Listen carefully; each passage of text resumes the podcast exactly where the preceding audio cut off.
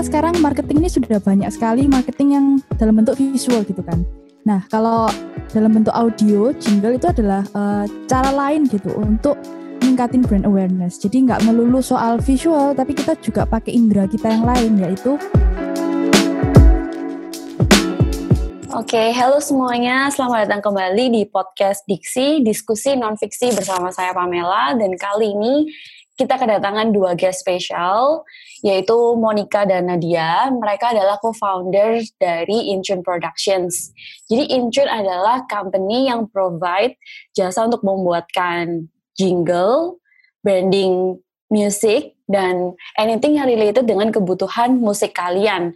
Bisa untuk kebutuhan personal maupun kebutuhan company. So please welcome Nadia and Monica. Hai. Halo. Hai ladies. Thank you so much sudah datang main-main ke podcastnya kita. Thank you for having us. Oke, okay. jadi teman-teman uh, sebenarnya Intune Productions ini foundersnya ada tiga, tapi diwakilkan oleh Nadia dan Monica hari ini. Ya, betul sekali. Oke, okay. so sebelum kita masuk ke sesi, session discussion kita, let's open with another at random questions. Gampang banget, nggak boleh mikir jawabnya nggak boleh lebih dari tiga detik, oke? Okay? Oke. Okay, ini kan sort of this or that questions, jadi bisa ngeliat juga ya Monica sama Nadia ini insing atau enggak gitu. Oke, okay, let's start. Hmm, Batagor atau Xiaomai? Batagor. Xiaomai. Ah. Coffee or tea? Coffee. Physical book or digital book? Physical book. City or beach? Uh, city. City. Japanese food or Korean food? Japanese. Japanese. Drakor or Hollywood? Hollywood. Singing atau playing instrument? For me, both. Both. both. Okay. Elon Musk atau Bill Gates? Elon. Elon Musk. I think, ya. Yeah. Oke, okay, so jadi basically Nadia sama Monica ini lumayan insing ya. Paling beda cuma antara Batago dan Xiaomai. Yeah. Kita nggak insing, kita tuh in tune. Oh, oke, oke, sorry, betul. sorry, in tune. Oke. Okay. okay.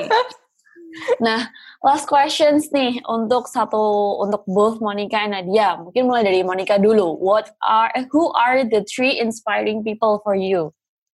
Three inspiring people ya. Ini in terms of music atau anything? Anything, someone that inspire you. Oke. Okay. Uh, nggak harus tokoh terkenal gitu kan ya? It can be anyone. Kalau uh, yang pertama sih, I think my mom ya. Karena kayak uh, dari kecil kan uh, grow up-nya ya with my mom kayak gitu. Maksudnya yang paling deket gitu sama mama gitu. Jadi kalau mau ngomong paling uh, biggest inspiration yang pertama itu my mom. And then yang kedua, kalau misal in terms of music, uh, my inspiration itu Taylor Swift gitu. Karena uh, Taylor Swift itu dari kecil udah bisa nulis lagu gitu kan. Dan lagunya tuh selalu bagus-bagus kayak gitu. Jadi kayak uh, aku dari kecil tuh udah listen to Taylor Swift dan kayak terinspirasi banget sama dia. Karena dia keren banget gitu bisa nulis lagu bisa, nyanyi bisa, main instrumen bisa, sampai sekarang pun masih eksis gitu. And fun fact aja, uh, my birthday itu tanggalnya sama kayak Taylor Swift, jadi makin ngefans gara-gara itu juga. Oke. Okay. Dan kalau yang ketiga siapa ya inspiration ya? Um, kalau dulu sih juga suka sama itu uh, Miley Cyrus karena dia waktu main film Hannah Montana itu, jadi dari kecil aku juga suka nonton film itu gitu. Kalau Nadia? Kalau aku sih yang pertama would be my grandma. Soalnya uh, memang aku juga besar sama dia ya, kan dia yang jagain aku. My grandma itu uh, tiap hari selalu ngomong ke aku, she's 92 this year dan masih sehat. Hmm dan ya puji Tuhan. Terus dia tuh kayak selalu ngomong as a woman you have to be tough you have to be independent gitu. Jadi kayak aku dapat banyak dari dia. Um, kalau in terms of music sih my inspiration is Dua Lipa. Karena menurutku um, dia apa ya she's very creative out of the box dia bisa nyanyi suaranya itu kayak apa ya sesuatu yang fresh dan apa ya nggak nggak nggak gitu-gitu aja kayak artis lain gitu loh ada hmm. ada stylenya sendiri terus dia bisa mendirect uh, um, kalau kalian pernah lihat song apa song Exploder di Netflix kan ada satu documentary about her dia tulis lagunya namanya Love Again itu kayak it's so cool gimana dia punya satu visi untuk lagunya prosesnya dia bikin lagu dari A sampai Z tuh kayak keren banget menurutku Um, terus and the third one would be kalau in terms of music lagi ya, ngomong kita ngomong soal musik ya, it would be Alicia Keys ya menurutku ya. Hmm. Karena kayak her music itu uh, resonates with me dari kecil sampai sekarang gitu. Gitu. Amazing. So basically when it comes to inspiring people itu nggak harus orang-orang yang udah well known pada uh, our inner circle, the closest one kayak my kayak our mom, our grandma itu bisa jadi someone yang memang inspire kita untuk berkarya ataupun mereka bisa jadi trigger yang memulai kita tahu talent kita itu apa gitu kan. Yes, yes, okay. betul sekali. Oke. Okay let's moving on to the to the next session yaitu discussionnya kita hari ini. Uh, boleh diceritain nggak? How's the beginning of Inchun Productions? Okay. Kenapa kalian memulai ini? What's your why? Oke, okay, itu mungkin aku mulai dari aku ya cerita ya. Jadi okay. uh, Intune ini tidak sengaja terjadinya. Kayak bukan kayak tiba-tiba kita uh, bukan tiba-tiba kita pengen oh kita harus gini gini gini enggak. Itu semuanya uh, ya benar-benar uh, God's grace gitu loh. Kayak ceritanya gini, jadi me and our other co-founder Ricky, shout out to Ricky if he's listening to this. Um, kita kan di JCI teman. Terus ada satu teman uh, juga dari kita yang dia kebetulan lagi buat satu company baru dan dia butuh jingle di supermarket dia. Terus dia tahu kan aku suka nyanyi dan bisa instrumen juga. Terus dia tanya, kamu bisa ngarang lagu nggak? Bisa, aku bilang gitu. Kamu bisa uh, bikinin aku jingle nggak? Itu benar kayak aku tuh kayak dalam tanda kutip bondo nekat kayak oh ya wes udah oke okay, oke okay, I'll do it gitu hmm. kan. Dari situ terus tiba-tiba kayak ya puji Tuhan dapat uh, job lagi terus sempet kan waktu pandemi mulai itu kayak semua orang yang mungkin sudah ada omongan mau jingle atau semuanya tuh not even uh, down payment atau ngasih uang itikat bayar itu kayak sudah ya sudah sorry ya pandemi jadi kayak sempat uh, apa ya, waduh gimana ya ini baru mulai satu kok terus bye-bye gini ya kan.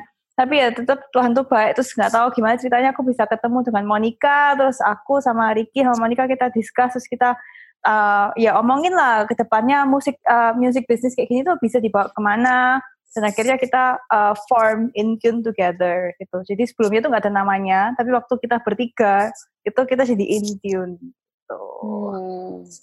I see. Jadi pertama ya dari ambil aja opportunity yang ada, mm-hmm. nanti dijalani secara maksimal. Ya, betul. Mulai forming the team gitu. Betul. Bukan berarti terus ngambil opportunity yang ada terus kita asal-asal ya. Kita tetap harus apa ya, do our best gitu, kasih 100%. Mm-hmm. I see. Nah, sebenarnya how essential jingle for a brand? Apakah itu memang bisa jadi salah satu drive untuk ningkatin awareness atau engagement buat brandnya. Iya. Uh, jingle itu sebenarnya penting banget sih. Maksudnya itu bisa benar-benar elevate the brand. Karena gini, um, kita sekarang marketing ini sudah banyak sekali marketing yang dalam bentuk visual gitu kan. Nah, kalau dalam bentuk audio, jingle itu adalah uh, cara lain gitu untuk ningkatin brand awareness. Jadi nggak melulu soal visual, tapi kita juga pakai indera kita yang lain, yaitu kuping pendengaran audio kayak gitu. Nah, dengan jingle ini kita itu bisa mengkomunikasikan gitu value-value apa sih yang brand ini punya kayak gitu. Uh, apa sih manfaat brand ini untuk customer gitu. Gimana sih brand ini bisa help customer? Itu kita bisa sampaikan semua melalui jingle.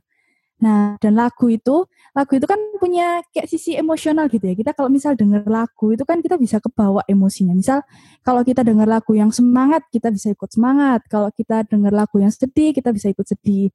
Kayak contohnya aja misal even kita kayak di gereja gitu misal atau kita uh, di konser kayak gitu. Kalau lagunya melo kita bisa ikut nangis-nangis gitu. Kalau lagunya emang semangat banget kita bisa ikut lompat-lompat gitu kan. Jadi uh, jingle itu punya nilai emosionalnya gitu, nilai sentimentalnya gitu, yang benar-benar bisa uh, membawa kedekatan tersendiri antara brand sama customernya. Contohnya gini sih, barusan ini uh, aku lihat berita kan uh, tentang gerai Giant yang mau tutup. Yeah. Dan waktu itu uh, aku lihat di komen-komennya itu banyak yang menyayangkan itu jinglenya loh kayak wah habis gini nggak bisa denger lagi nih lagu legendaris di Giant terus banyak yang kayak reminiscence gitu. Giant Giant Giant gitu. Mereka kayak uh, seakan-akan kayak menyanyikan lagunya jingle Giant ini di kolom komentar gitu. Jadi itu membawa apa ya nilai kedekatan tersendiri antara brand Giant sama customernya melalui jinglenya. Jadi waktu Giant tutup yang dikangenin apa yang diingat apa? Oh ternyata yang diingat itu jinglenya kayak gitu. Hmm. Hmm. I see. Setuju sih, soalnya sebenarnya kalau misalkan di teori marketing kan ada yang namanya customer experience management ya. Itu Betul. itu ngomongin tentang customer five senses juga, Betul. di mana ada banyak sisi mulai dari kayak dari panca indera kita itu kan hmm. dari mata terus lidah telinga dan yang kadang-kadang orang sering uh, orang sering lupakan brand owners terutama itu adalah untuk membuat trigger yang lewat telinga which is itu melalui hmm. suara dan lewat jingle juga. Iya. Soalnya kan kalau misalkan kita uh, main handphone nih kadang-kadang ada notifications itu kan yang kedengeran pasti dari applicationsnya kan misalkan kayak Shopee atau Tokopedia iya. kayak gitu. Betul. Betul itu betul. jadi trademark tersendiri gitu yang kita langsung langsung bisa associate that sound to that brand gitu. Nah, proses bikin jingle tuh kayak apa sih? Dan sebenarnya challenge terbesar dari bikin jingle apa? Dan gimana caranya kalian bisa maintain your idealism as a musician sama yang diinginin oleh klien? Kalau uh, kita sih biasanya gini kan, kita ketemu dengan kliennya dulu, kita terus tanya, oke, okay, mungkin mau bikin jingle atau mungkin bukan jingle aja ya, kayak misalnya let's say background music atau audio logo itu butuhnya apa. Jadi kita menyesuaikan dengan kebutuhannya dia. Kalau misalkan dia ternyata setelah kita ngomong-ngomong, awalnya dari jingle terus ternyata dia cuma butuh audio logo atau background music, ya kita akan arahkan ke sana gitu kan. Um, nah setelah itu kita biasanya kita uh, perlu tahu nih kayak visi misi company-nya apa, keywords-nya apa, target marketnya siapa. Uh, contoh kayak gini, kemarin kita we just had a meeting, uh, mereka mau bikin jingle, tapi bukan jingle yang keluar, bukan external jingle, tapi internal jingle. Hmm. Uh, jadi mereka tuh mau setel di kantornya, mau di play terus di kantornya supaya um, staffnya, timnya tuh jadi semangat gitu loh. Dan terus aku tanya, oh, oke okay, berarti target marketmu kan adalah staffmu, staffmu umurnya berapa, banyak perempuan atau laki, terus kira-kira mereka dengerin lagu apa? Terus kita keliling kan ada salah satu uh, staffnya yang ikut meeting uh, it's very interesting aku tanya bapak dengerin lagu apa? John Denver kayak country gitu kan. Aku okay. juga gak nyangka. Cuman kayak kita jadi waktu kita visit ke kantor mereka kita juga tanya-tanya gitu kan kebutuhannya apa. Tapi kita juga dulu pernah bikinin um, apa uh, satu internal jingle juga Terus uh, kita tanya uh, dan kebetulan waktu itu manajernya bilang dia suka Japanese pop gitu karena semangat. Jadi kita ya kita bikin J-pop gitu. Jadi sebenarnya uh, uh, the challenge itu uh, I don't find it as a challenge ya. Maksudnya kayak kita it's we find it interesting gitu loh. Dan maksudnya kita bisa mengimbangi idealismenya kita dan apa yang klien mau tapi tetap kan kita juga melayani mereka ya. Tapi kalau kita hmm. sudah tahu mungkin uh, kliennya ada gambaran nih, uh, aku mau musiknya yang santai, yang gimana gimana gimana, kita akan kasih pilihan gitu. Kamu uh, misalkan nih, kapan lalu ada PT Medishop, uh, mereka pengen bikin store jingle gitu kan. Terus aku tanya, uh, oke, okay, kalian pengen uh, vibe-nya tuh gimana? Dari situ kita kasih pilihan biasanya. Jadi kita selalu kasih hmm. pilihan. Ini ada satu uh, songnya kita buatkan uh, draftnya ini uh, pop style pop, satunya swing atau gimana atau agak jazzy. Jadi akhirnya yeah. mereka mintanya yang combine pop dan swing gitu kan. Karena karena bisa digabung juga. That's what's very interesting gitu. So it's like mixing your ideas and what the client hmm, wants. Ya. Yeah. Jadi satu jadi satu jingle yang catchy. Ya betul. Jadi kita juga kasih pilihan supaya mereka juga tet, apa ya bisa ngeliat lah kurang lebihnya mereka tuh pengennya gimana gitu. Dan kira-kira dari kita, kita kasih rekomendasi, kita kita juga kasih pendapat kita. Misalnya, kalau menurut kita ini begini, begini, begini, tapi tetap kembali lagi klien yang milih seperti itu. Well, interesting. Jadi mikir, should I make jingle for Frasa internal team ya? Boleh itu. Silahkan kontak Intune Productions. Oke. okay. Um, sebenarnya dari jingle ataupun background music for a brand, yang paling important itu aspek yang mana sih? Lebih ke arah melodinya atau wordingsnya sebenarnya? Sebenarnya banyak yang penting sih. Mungkin Monica bisa jelasin, ya yeah. because you're in charge of productions. Bus penting sih. Jadi uh, balik lagi kita nyesuaiin kebutuhan kliennya kan. Misal uh, kliennya perlu uh, jingle untuk internal team gitu oh ya kita mikirin juga dong pasti liriknya liriknya kayak gimana ya yang bisa uh, bring value gitu untuk uh, anggota timnya karyawannya gitu. Value perusahaan apa sih yang mau ditanamkan di karyawannya gitu. Nah jadi kalau in terms of jingle misal kebutuhannya klien adalah untuk jingle entah itu untuk internal team atau untuk promosi keluar untuk storytellingnya storytelling tentang produknya dia atau brandnya dia. Of course, uh, lirik juga penting, tapi melodi juga penting untuk menyampaikan vibes-nya supaya uh, semua pesannya tuh masuk gitu. Nah, tapi kita lihat juga kebutuhan klien, misal oh klien ini belum butuh jingle, tapi cuma butuh sesuatu yang simple tapi bisa langsung ngena. Misalnya kayak audio logo tadi yang Shopee gitu. Kan hmm. Kan simple ya cuma Shopee, Shopee gitu, tapi bisa langsung cus gitu. Nah, hmm. jadi when ketika kita mau menentukan apa yang penting itu sebenarnya kita juga sekali lagi ngelihat kebutuhannya gitu. Jadi kita benar-benar bisa customize uh, klien ini butuhnya apa sih gitu. Misal ada yang butuhnya juga um, mereka sudah punya video, mereka butuhnya background music. Nah kalau kayak gitu ceritanya, of course lirik tidak dibutuhkan dan butuhnya adalah uh, musiknya bagaimana yang bisa vibes-nya cocok dengan videonya. Kayak waktu itu kita juga ada klien ya Cina dia ya yang uh, pijet itu apa namanya Cina dia? Oh ya, apa uh, PH uh, PH remedial massage. Ya, remedial massage. Jadi dia yang uh, memang untuk relaksasi kayak gitu ya, untuk hmm. kesehatan. Jadi kita juga bisa aturkan background musik dengan vibes yang cocok untuk temanya yeah. dia sebagai remedial massage kayak gitu. Jadi hmm What's the most important aspect? It can be many things, tergantung kebutuhan kliennya apa, kayak gitu. Oke, okay, so it depends on the goal. Yes, yes. Yes, it depends on the goal. Mm -mm.